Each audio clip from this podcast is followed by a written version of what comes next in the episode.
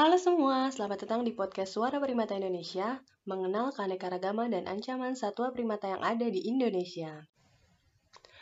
Perkenalkan, nama aku Zia dari Owa Halimun dan kali ini aku sudah bersama dua orang yang bakalan berbagi pengalaman dan juga informasi terkait kampanye edukasi pelestarian satwa primata dan tantangannya. Uh, Oke, okay, sebelum kita mulai, aku persilakan dulu nih kakak-kakak untuk menyapa dan memperkenalkan diri kepada teman-teman yang dengar. Silakan kak. Oke, okay. oke. Okay, uh, eh, halo teman-teman. Perkenalkan nama saya Agung. Uh, lengkapnya Ismail Agung. Saya di sini sebagai lebih teman-teman biasanya lebih nyebutnya alpha male di Kukangku. Jadi saya koordinator uh, Kukangku, sebuah gerakan kampanye untuk penyelamatan kukang. Gitu. Okay. Itu aja mungkin. Oke, uh, lanjut Kak, silahkan. Oke, halo. Namaku Afrizal Abdi. Bisa dipanggil Afrizal. Saya mewakili Gibonesia, jadi sama. Uh, saya juga koordinator Gibonesia. Terima kasih. jadi uh, ada Kak Agung dari Kukangku dan juga Kak Afrizal dari Gibonesia. Nah, e, boleh cerita sedikit nggak Kak tentang kegiatannya di Kukangku dan di Gibonesia ini apa ya? Atau singkatnya ngapain aja sih di Kukangku dan di Gibonesia ini? Uh, kalau Kukangku sendiri sebenarnya udah lumayan lama ya. Uh, Kukangku tuh dibentuknya 2014, tapi saya dapat pelimpahan tanggung jawabnya itu 2015. Walaupun sebenarnya dari 2014 juga udah pernah ikut apa uh, sering terlibat lah dulu ya, terlibat Nah, cuma 2015 saya fokus untuk mengambil alih kendali untuk bikin perencanaan programnya, terus kayak mau ngapain nih kukangku gitu. Memang landasannya sebenarnya dari dulu uh, kita miris dengan kondisi kukang di Indonesia yang menjadi peliharaan, padahal itu satwa dilindungi. Nah, situ. Jadi memang selama lima tahun itu bagaimana uh, kukangku itu pengen lebih uh, memberikan pencerahan lah istilahnya ke orang-orang, menjembatani juga supaya orang-orang nggak pelihara kukang gitu orang lebih aware lebih tahu bahwa oh ini kukang satwa dilindungi nih gitu bukan untuk dipelihara jadi lumayan lima perkembangannya selama lima tahun terakhir nih alhamdulillah ya ada uh, respon positifnya sudah sangat baik lah untuk konservasi kukangnya ya itu sih oke okay. oke okay. cukup kak hmm, itu aja sih kalau tentang kukangku oke okay. kalau dari Gibonesia nih Oke, kalau dari Gibonesia ini kan terhitungnya masih baru ya. Jadi pas kami itu uh, satu tahun pas. Jadi kita tuh lebih ke untuk saat ini yang dilakukan lebih ke kampanye online sih. Meskipun beberapa uh, di akhir tahun kayak kemarin kita juga uh, hadir di uh, International Gibbon Day yang dilaksanakan oleh Halimun juga. Jadi mungkin tahun ini sebenarnya uh, ada acara offline yang lebih uh, yang lebih ini ya, yang lebih kolaboratif. Tapi karena adanya pandemi, jadi kita undur tahun depan oh, mungkin. Oke, okay. um, Kukang dan Oa ini persebarannya ada di mana aja ya kak? Wah, Kukang ya, eh, Kukang juga sama sebarannya tersebar di tiga pulau besar utama ya, eh, Jawa, Kalimantan, Sumatera. Nah, uniknya lagi, eh, ini baru 2020 ya, 2020 ternyata kukang yang selama ini kita kenal cuma ada tiga, uh, tiga spesies yang di Indonesia ya, yang hmm. diakui di Indonesia itu ada tiga spesies, kukang Jawa, kukang Kalimantan, kukang Sumatera. Nah, 2020 itu dipecah lagi ternyata ada, ada penelitian baru yang menyebutkan bahwa kukang di Indonesia itu kita punya tujuh. Gitu. Jadi ada nambah empat ekor lagi. Nah, ini belum belum masuk ke 63 tadi, belum karena emang nggak tahu lah mungkin peneliti peneliti peneliti peneliti nanti akan memasukkannya ke daftar spesies primata baru ya. Nah, di yang empat ini uh, sebarannya ada di Pulau Bangka, gitu, yang Pulau uh, Pukang Bangka namanya. Terus ada sisanya di Sumatera ada lagi satu, jadi Sumatera bagian utara yaitu Aceh dan Sumatera Utara itu katanya ada Pukang spesies baru juga. Uh, terus Kalimantan ada dua spesies baru yaitu Kukang Kayan dan Kukang Borneo lah sebutannya. Jadi memang sebelumnya ada Minagensis namanya. Jadi akhirnya di Kalimantan ada tiga spesies, di Sumatera ada dua, di Jawa satu, dan di Pulau Bangka ada satu. Kita jadi punya banyak nah, tantangannya ya saking banyaknya jadi kita juga makin sulit sih karena sampai saat ini penelitian kukang tuh masih dikit dan bagaimana mengidentifikasinya juga termasuk saya awam gitu untuk bagaimana sih cara membedakan kukang yang satu dengan kukang yang lain kecuali kukang Jawa ya karena kukang Jawa itu paling gampang dibedakan dengan kukang-kukang yang lainnya. Uh, kalau OA juga itu sebenarnya berdasarkan region ya, maksudnya berdasarkan kawasan pulau dan emang uh, itu lebih banyaknya dan aslinya itu memang di Indonesia bagian barat. Jadi kalau kita apa ingat kembali pelajaran SD itu ada SD SMP itu kan ada uh, garis Asiatik, Wallacea, kemudian daerah timur gitu kan. Nah kalau yang OA sendiri ini termasuk yang uh, satwa-satwa Asiatik jadi tersebarnya itu ada di Pulau Sumatera, Jawa, dan Kalimantan. Jadi Sumatera meskipun uh, di pulau-pulau kecil kayak uh, Mentawai itu juga termasuk. Oh, berarti untuk kukang dan owa ini tidak hanya satu jenis ya kak, dan persebarannya sama-sama ada di Pulau Jawa, Sumatera, dan Kalimantan. Nah, kalau jenis primata lainnya, Indonesia tuh punya berapa jenis primata sih kak, dan ada di mana aja? Jadi ya, sebenarnya menarik ya, Indonesia ini termasuk uh, kita punya keragaman primata yang tinggi lah. Uh, mungkin nomor tiga ya, setelah Brazil, terus Kongo, terus ya Indonesia yang ketiga yang jumlah primatanya terbanyak. Dulu waktu saya masih kuliah, saya cuma tahu primata di Indonesia itu cuma ada 40. Bayangkan itu mungkin sekitar tahun 2000, lagi 2008 nggak saya, 2010. Itu saya tahunya cuma 40 spesies. Nah sekarang 2020 kita udah punya 63 spesies. Jadi dalam 10 tahun tuh kita ada sekitar penambahan ya, dua apa setengah ya. Hampir 100 persen ada 50 persennya gitu. Jadi dari 40 spesies jadi 63 spesies. Kita punya primata yang bisa bisa dibilang baru gitu spesies baru. Walaupun sebenarnya itu juga adalah eh, primata-primata yang akhirnya dipecah lagi menjadi spesies tersendiri. Kita unik ya sebenarnya unik. Primata di kita tuh tersebar banget gitu dari yang um, primata besar kayak orang hutan gitu kera Eh, dan uh, kera kecilnya juga ada oa gitu. Terus ada juga jenis monyet. Monyet ini juga dibagi-bagi ada yang lutung surili gitu. terus ada lagi persinian persinian ini yang perwakilannya adalah primata primitif yang diwakili oleh Tarsius dan Kukang jadi ketiga primata tadi itu kita ada di Indonesia gitu. jadi dari 63 wah kalau disebut satu-satu saya juga nggak hafal sih lupa lagi. Cuman eh, pokoknya dari terakhir itu tahun kemarin kita udah nambah satu spesies lagi, jadi ada 63 sekarang. Dan itu luar biasa dan sayangnya, nah sayangnya dari 63 itu cuman cuman dua yang tidak dilindungi, sisanya semua dilindungi dengan berbagai macam permasalahan. Gitu. Ada yang habitatnya rusak lah, terancam diburu lah, dan lain-lain. Gitu. Itu sih. Tadi untuk yang dua primata tidak dilindungi itu apa sih, Kak?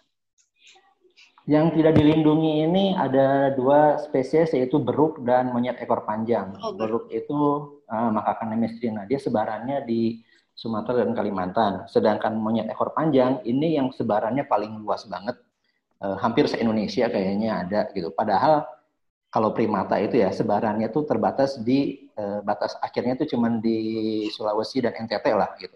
Tapi si monyet ekor panjang ini dia bisa sampai ke zona Australia, jadi dia udah melewati batas Wales sampai ke Papua ada gitu. Nah itu kenapa kak? Kenapa persebaran monyet ekor panjang itu bisa sangat luas? Padahal tadi kan e, persebaran primata itu hanya terbatas sampai Sulawesi dan NTT, tapi monyet ekor panjang bisa sampai ke daerah Papua.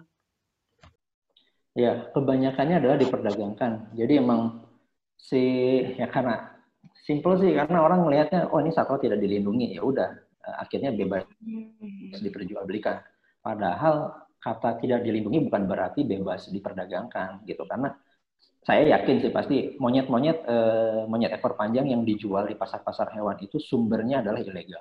Bukan sumber yang legal atau bersumber dari penangkaran yang resmi. Tidak itu pasti tangkapan dari alam.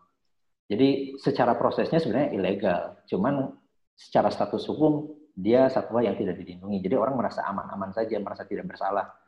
Padahal ya sama saja eh, ketika orang membeli ya sama saja dia mendukung siklus dari perburuannya. Jadi konteksnya ke sana ya. Jadi ketika kita beli primata, pelihara, sebenarnya kita bukan hanya menghidupkan apa eh, menghidupkan si primatanya karena dikasih makan, tapi menghidupkan juga pemburu-pemburunya. Gitu. Jadi memang ya ada sesuatu kekejaman di, di balik-balik itulah semua. Menarik tuh tadi Kak kalimatnya memelihara primata itu bukan hanya sebatas menghidupkan primatanya karena dikasih makan, tetapi juga menghidupkan para pemburu. Wow. Oke, kalau uh, tadi kan salah satu contohnya tuh yang perdagangan monyet ekor panjang ini nih. Nah, hmm. uh, selain monyet ekor panjang, uh, apalagi sih kak gitu uh, contoh kasus perdagangan satwa primata yang mungkin pernah terjadi atau bahkan masih terjadi di dunia? Iya iya iya. Uh, jadi emang sih kasusnya kalau kasus perdagangan primata Indonesia itu nomor satu alasannya karena untuk jadi objek peliharaan. Itu yang paling umum. Jadi yang paling sering orang Eh, kenapa orang beli primata untuk menjadikan peliharaan. Tapi selain itu juga ada faktor lain yang kayak eh, kenapa beli monyet untuk tujuan konsumsi. Itu juga ada di beberapa daerah memang ada yang mengkonsumsi daging primata atau daging hutan. Nah, ada juga yang dia menggunakan primata sebagai media mistis atau obat tradisional. Itu kukang biasanya. Jadi ada orang apa, beli kukang hanya untuk persyarat mistis atau obat tradisional atau minyak minyak pelet dan lain-lain. Itu itu juga ada. Memang kalau jenis primata yang paling banyak di Indonesia yang paling banyak diperdagangkan satu itu monyet ekor panjang, yang kedua kukang. Gitu. Ya mungkin nggak tahu sekarang listnya berubah atau gimana, tapi apa urut daftar urutannya, tapi tetap monyet ekor panjang yang paling banyak diperdagangkan karena alasan tadi tidak dilindungi. Oh, nah kalau untuk OA sendiri gimana kak? Oh, kalau apa ke kasus perdagangan OA di Indonesia itu masih ada karena ya termasuk salah satu primata yang banyak diperdagangkan juga ya. Uh, biasanya itu, oh biasanya uh, bagian besar primata itu biasanya memang dijadikan hewan timangan gitu kan, ya karena mereka bentuknya secara morfologi juga kayak manusia, makanya di misalnya kalau mereka beriklan para orang apa pedagang uh, satwa liar atau satwa dilindungi itu diiklankan pasti ada embel-embelnya aman atau uh, boneka lucu atau hmm. primata lucu atau seperti itu kan karena hmm. memang kebanyakan dari mereka dijualnya pas dalam fase masih anakan atau bayi ya memang sih mereka itu kesannya itu jinak pada saat itu tapi kita tidak ketahui setelah dipelihara cara ilegal setahun dua tahun tiga tahun seperti apa kan eh, kita nggak tahu ya seperti itu dan OA juga di apa trennya masih meningkat, tren perdagangannya itu masih meningkat dan paling banyak memang dijadikan uh, uh, untuk hewan timangan atau hewan peliharaan. Meskipun seperti oa yang di Mentawai, oa bilau itu dikonsumsi tapi tidak sering begitu. Jadi proporsinya itu masih lebih kecil daripada uh, tujuan perdagangan yang lain, misalnya untuk dipelihara atau dijadikan obat seperti itu sih. Okay. Ya ada juga loh yang katanya yang pelihara oa katanya uh, supaya mancing punya anak kayak gitu. Jadi alasan pelihara tuh lebih ke uh, pengganti sementara kayak gitu. Ada loh ya alasan-alasan kayak gitu. Oke. Okay. Kata Jadi beragam. Ya. Iya, hmm. beragam hmm. banget alasan. Motif, motifnya ya, motif-motifnya beda-beda. Nah, kalau dari kebijakan pemerintah sendiri yang terkait perdagangan ini uh, seperti apa, Kak? Sebenarnya landasan hukumnya sendiri ada di Undang-Undang Nomor 5 Tahun 90 catat ya tahun 90. 90. Regulasi regulasi itu udah anggap sekarang udah 30 tahun gitu. Dulu mungkin sangat uh, bikin serem ya karena di situ ada sanksi pidananya lima tahun dan denda 100 juta. Tapi uh, kalau ditanya apakah regulasi ini uh, apa uh, relevan untuk saat ini, ya saya bilang sih nggak relevan dong gitu karena ini udah umurnya udah 30 tahun harusnya sanksi pidana dan e, dendanya juga harus lebih tinggi lagi.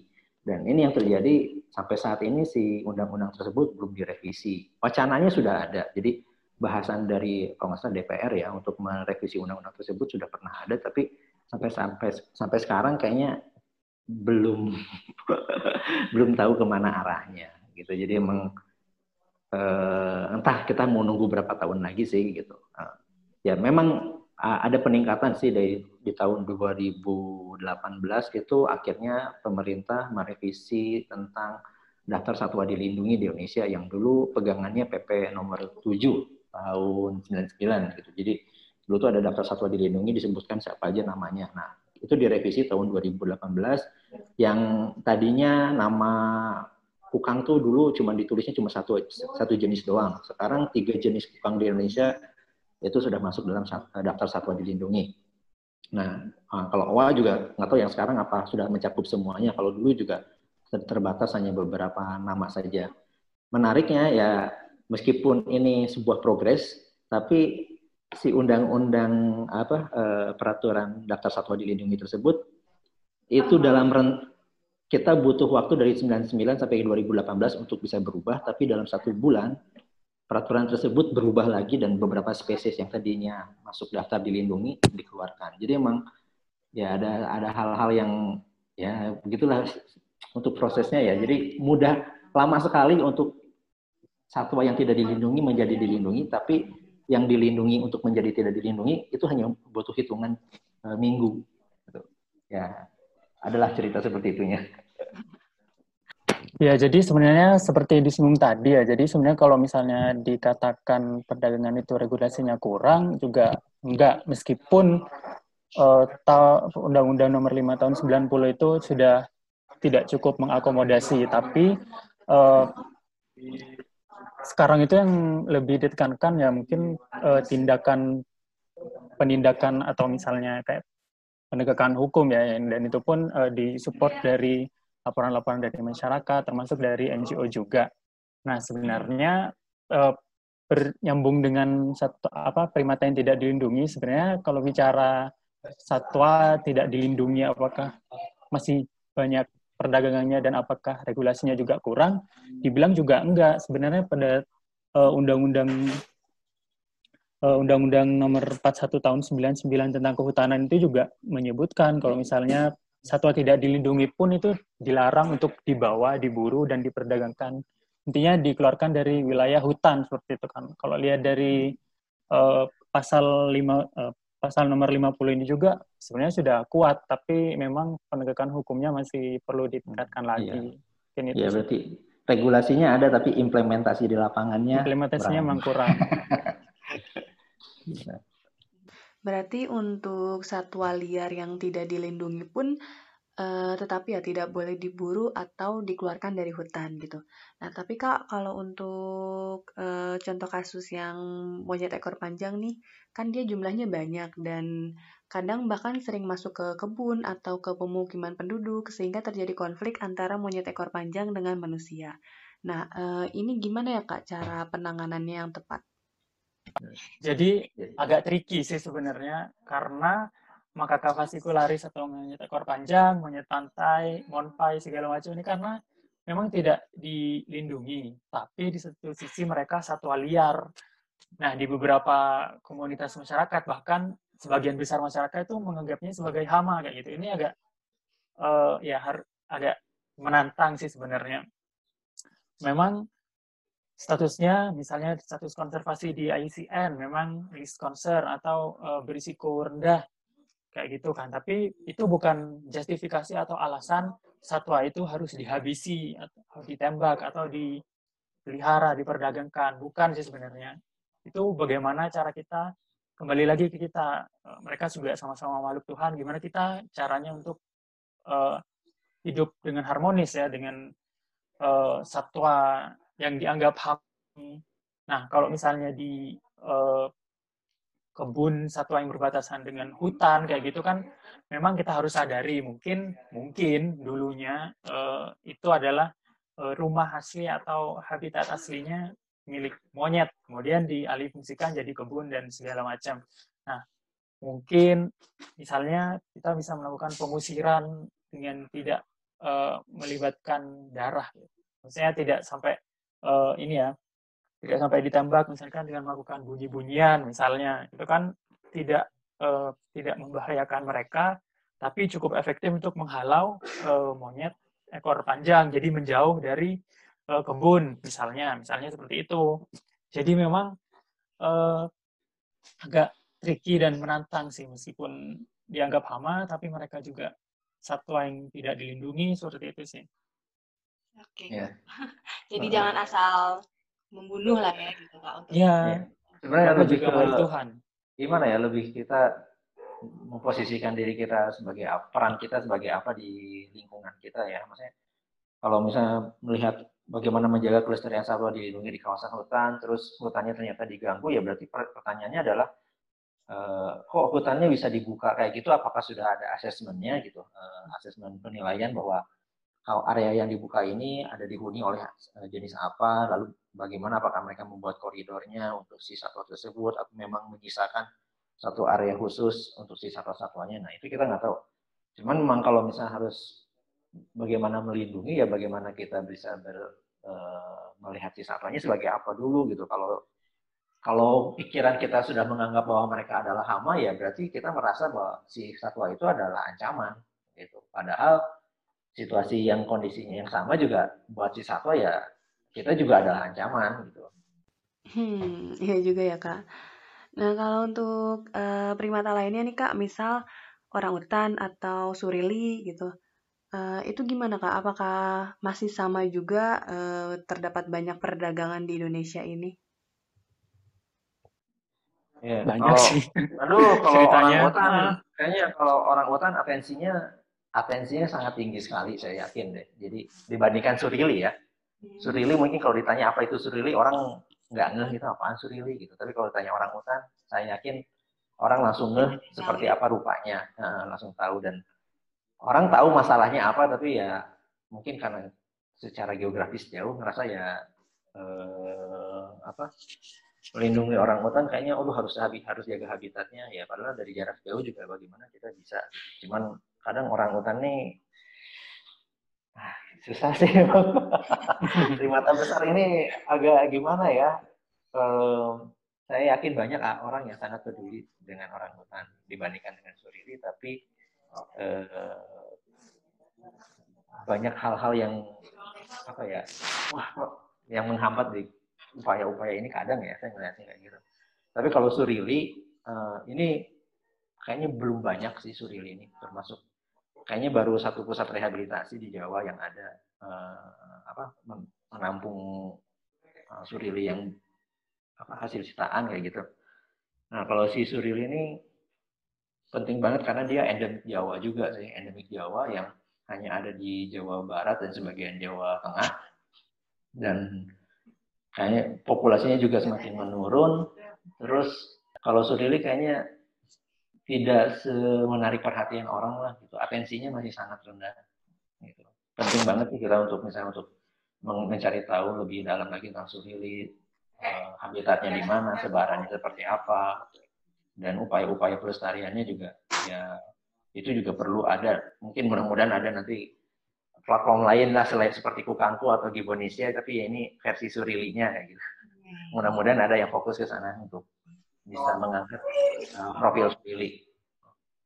Caranya gimana nih Kak biar orang-orang juga bisa mengenal atau bisa mendapatkan mendapatkan informasi dan lebih peduli gitu mengenai pentingnya menjaga pelestarian satwa primata atau satwa liar lainnya sehingga uh, bisa mengurangi perdagangan ataupun mengurangi konflik yang terjadi. Gimana? Ya, Apa dulu nih?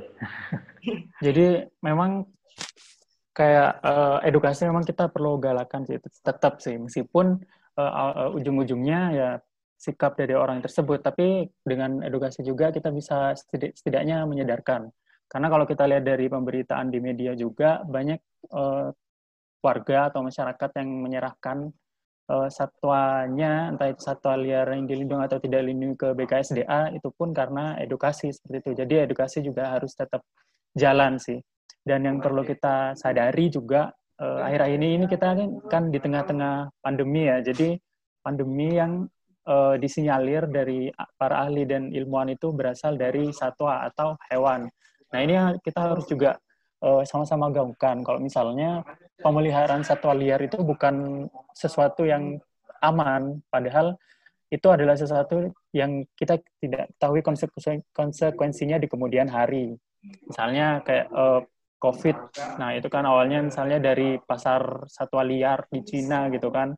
Dari situ ya, dari satwa yang diperdagangkan secara asal-asalan itu, kita juga uh, nggak tahu kan konsekuensinya bisa sampai menyebar ke seluruh dunia gitu kan. Ah, iya juga ya Kak. Dulu-dulu mungkin kan nggak kepikiran ya kalau dari uh, pemanfaatan satwa liar yang kurang tepat itu bisa berdampak yang cukup besar seperti pandemi sekarang ini. Berarti penyebaran informasi atau adanya edukasi ini memang sangat diperlukan kan ya Kak?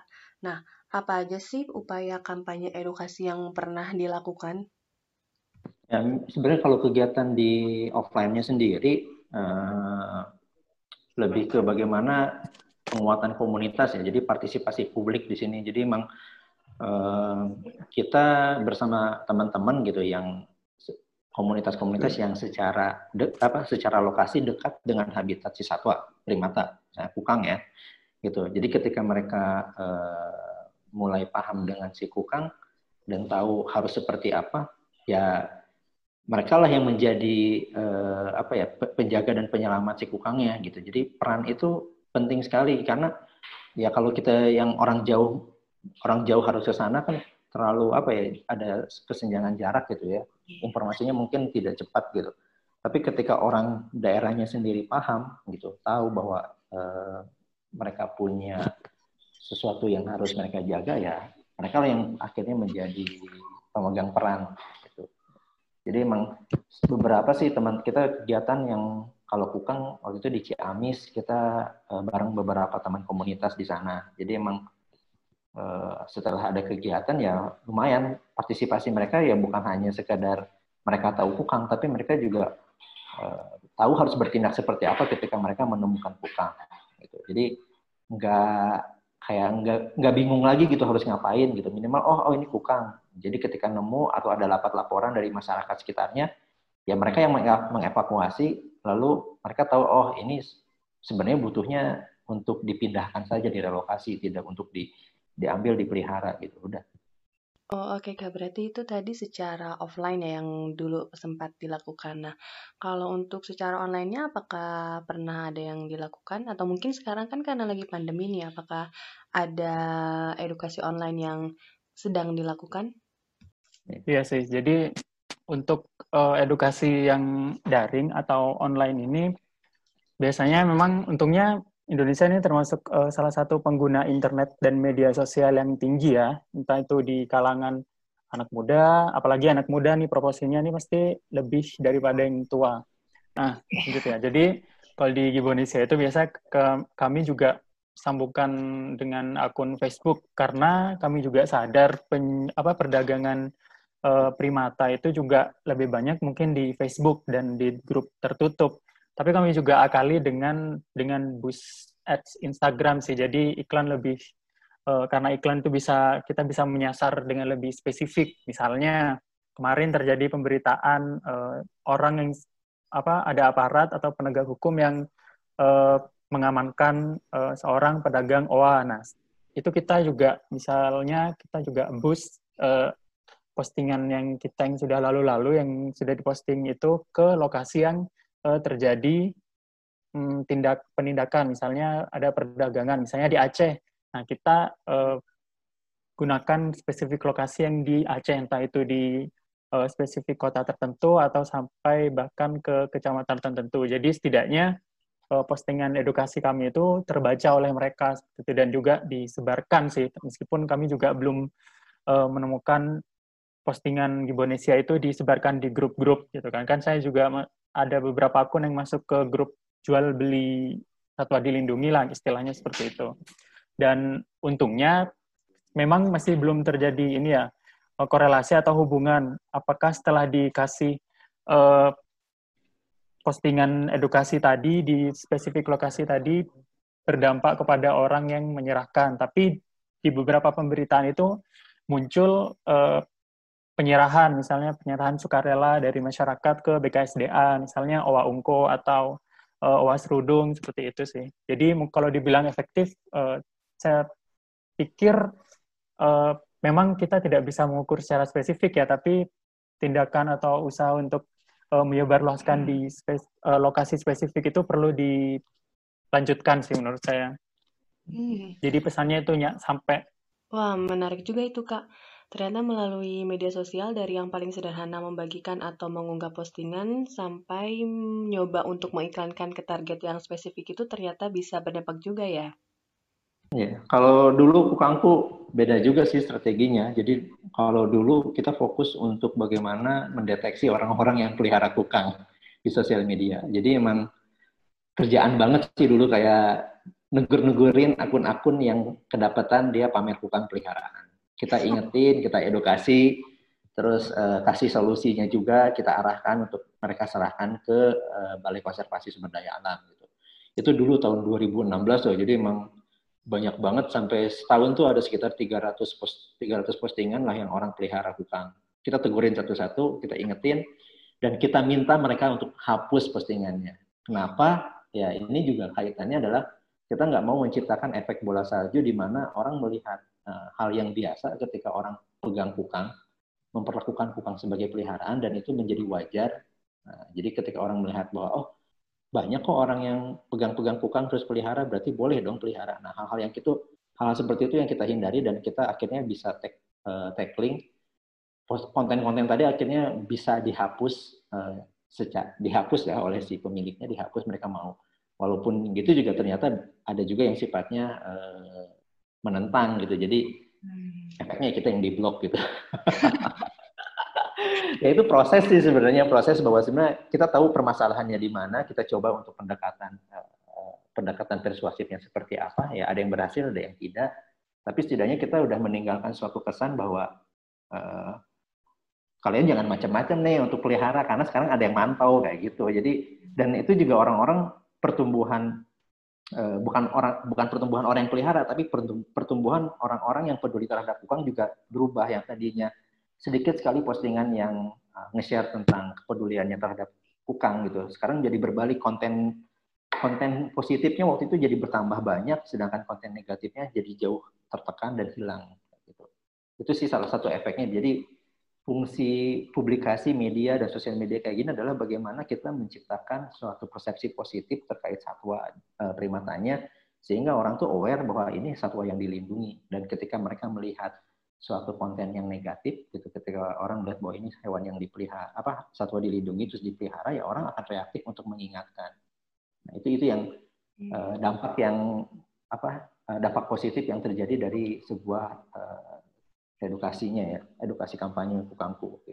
Oke, uh, menarik nih tadi kalimat yang disebutkan oleh Kak Agung. Fungsi publikasi media sosial ini seharusnya adalah bagaimana menciptakan suatu persepsi positif sehingga bisa peduli kepada satwa primata.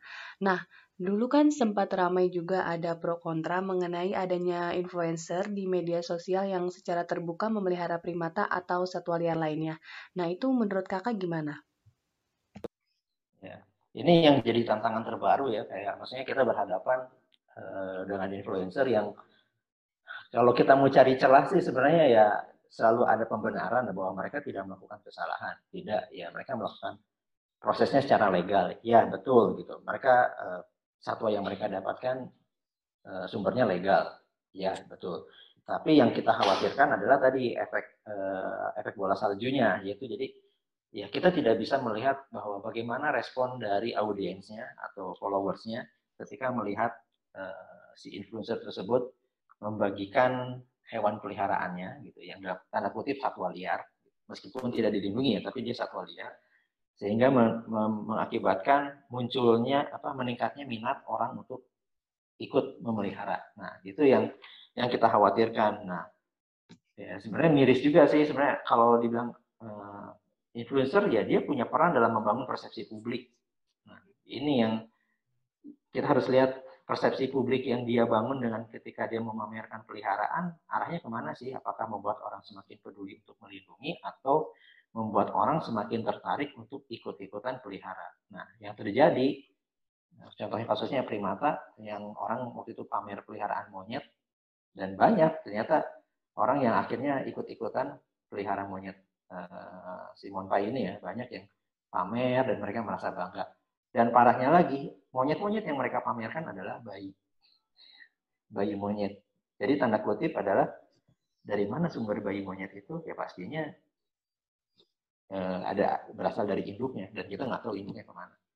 Nah, oh. jadi dampaknya pasti ada pemain lagi yang di situ adalah ada pemburu, ada perburuan, ada pedagang yang cakupannya jadi semakin cakupannya jadi semakin luas untuk ada pasok rantai pasokannya ya. Jadi bukan hanya ber, bukan hanya per, apa melibatkan pemelihara dan pedagang saja, tapi ada juga eh, apa dalang-dalang lainnya lah ada ada pedagang dan itu bisa dipastikan orang-orang yang mengikuti tidak meng, me, eh, orang yang mengikuti untuk pelihara mereka mendapatkannya bukan bersumber dari dari tempat yang legal. Itu yang kita khawatirkan bahwa dampak dari influencer ini justru uh, meningkatkan minat orang untuk memelihara primata, tapi bukan bersumber dari uh, tempat yang legal. Itu yang terjadi. Oke, nambahin aja ya. Oke, boleh, boleh, boleh.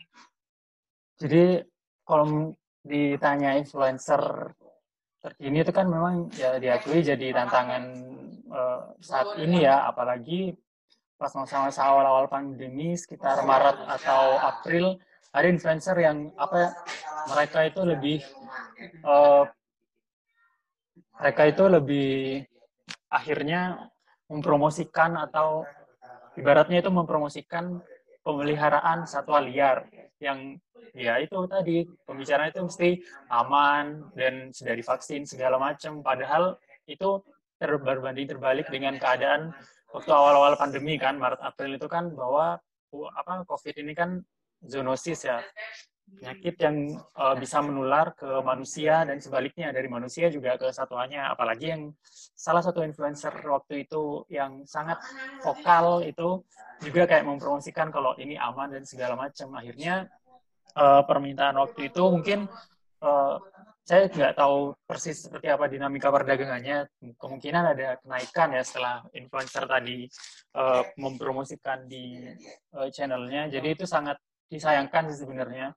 Dengan banyaknya subscribers mereka tentunya seharusnya lebih uh, bisa mengedukasi dengan benar, bukan edukasi palsu seperti misalnya kita memelihara satwa atau kita memelihara binatang-binatang uh, yang dilindungi, kayak gitu sih lebih disayangkan aja sih.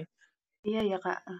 Semoga ke depannya mau itu para influencer ataupun kita sendiri juga bisa lebih bijak untuk memilah dan memilih apa yang mau diposting dan bijak juga dalam menilai atau melihat postingan orang lain gitu ya.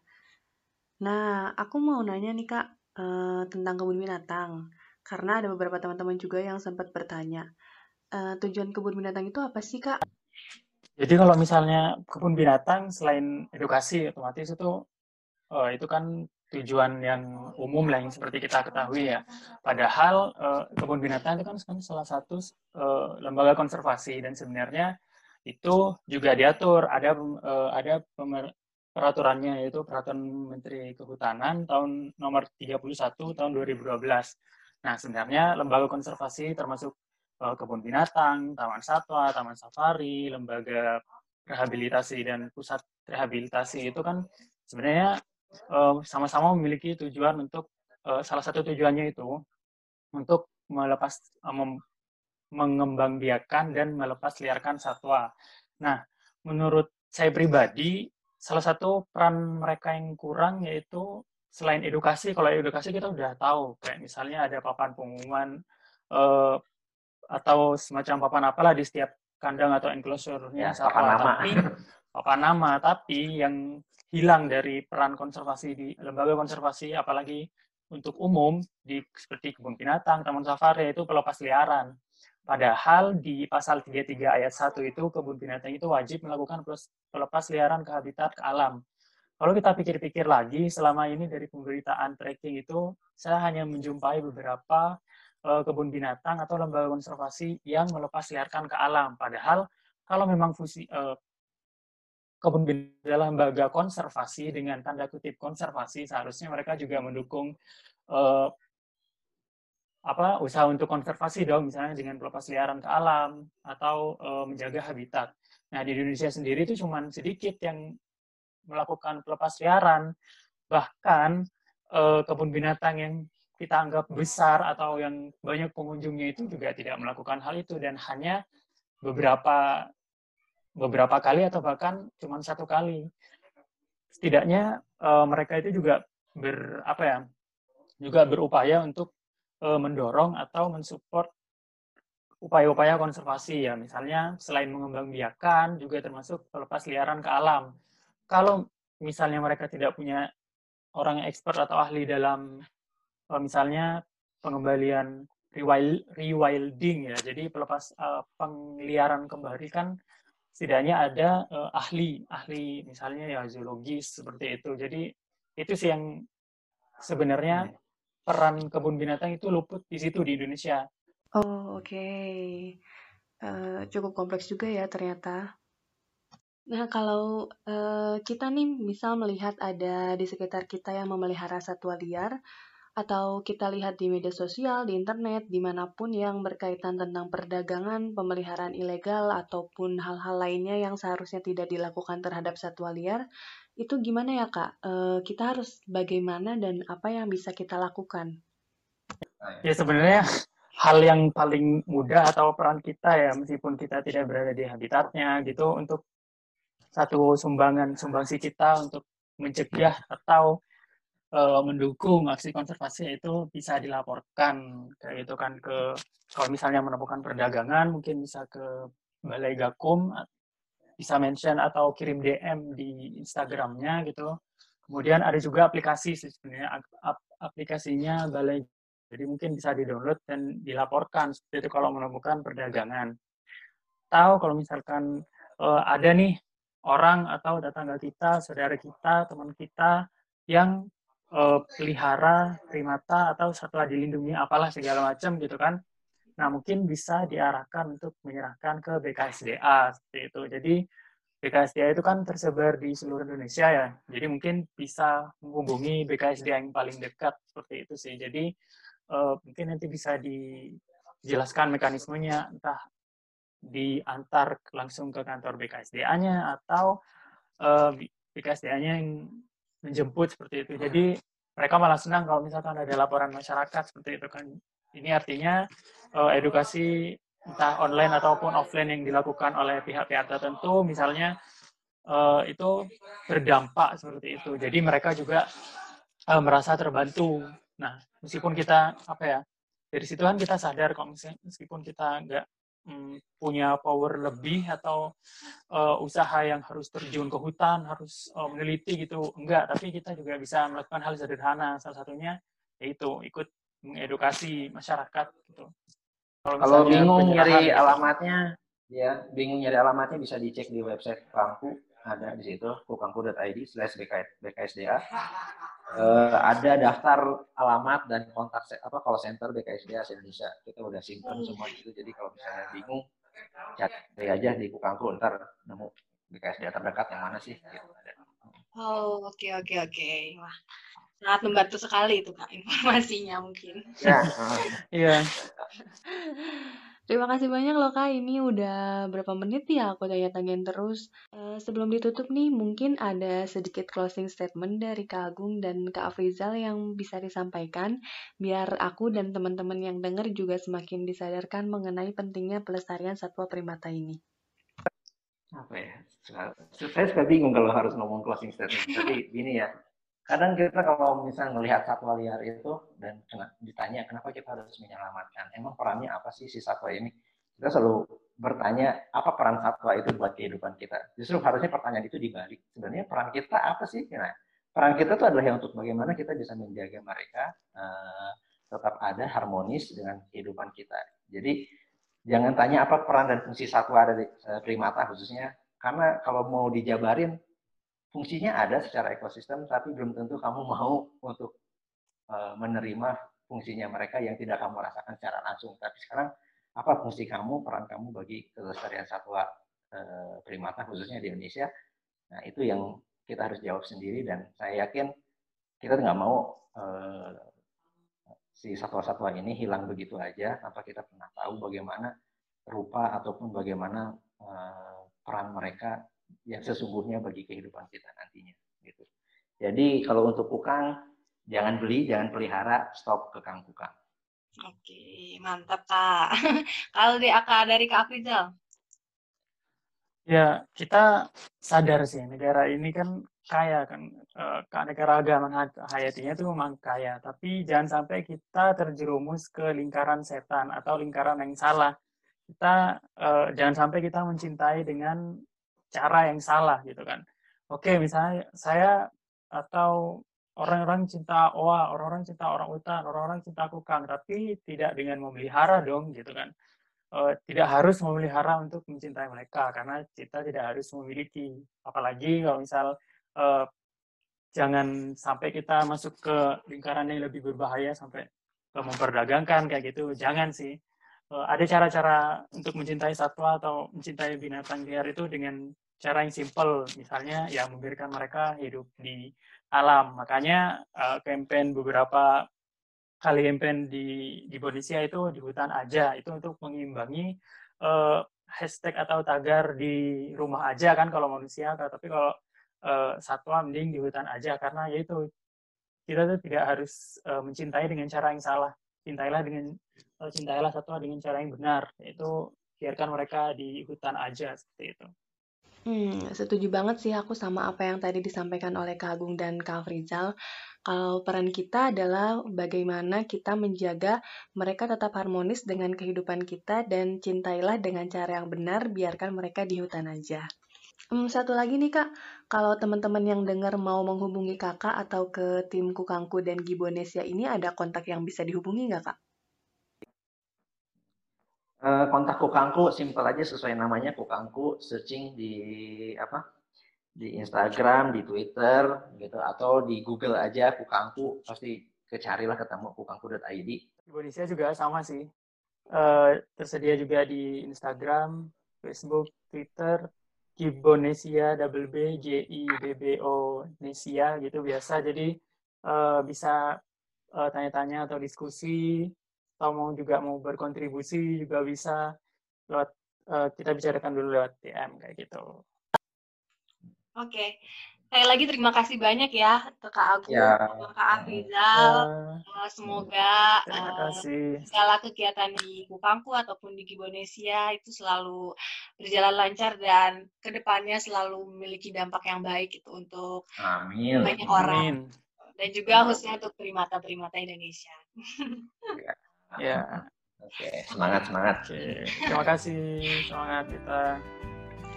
Terima kasih juga buat teman-teman yang sudah dengar obrolan kali ini. Semoga dari obrolan tadi ada hal baik yang bisa teman-teman ambil ya. Oh iya, aku juga mau ngasih tahu nih, kali ini Owa Halimun dalam rangkaian A Better World Festival yang diadakan oleh Campaign.com sedang menyelenggarakan kampanye primata tidak untuk dipelihara melalui aplikasi Campaign for Change yang bisa kalian unduh di Play Store ataupun App Store. Nah, setiap kalian menyelesaikan program kampanye ini, maka kalian akan mendonasikan 10.000 yang nantinya akan kami alokasikan untuk kegiatan pendidikan konservasi yang sudah rutin kami lakukan. Untuk informasi lebih lanjut, kalian bisa cek di postingan Instagram kami ya, @owahalimun. Ayo ikutin semua challenge-nya dan selesaikan programnya ya.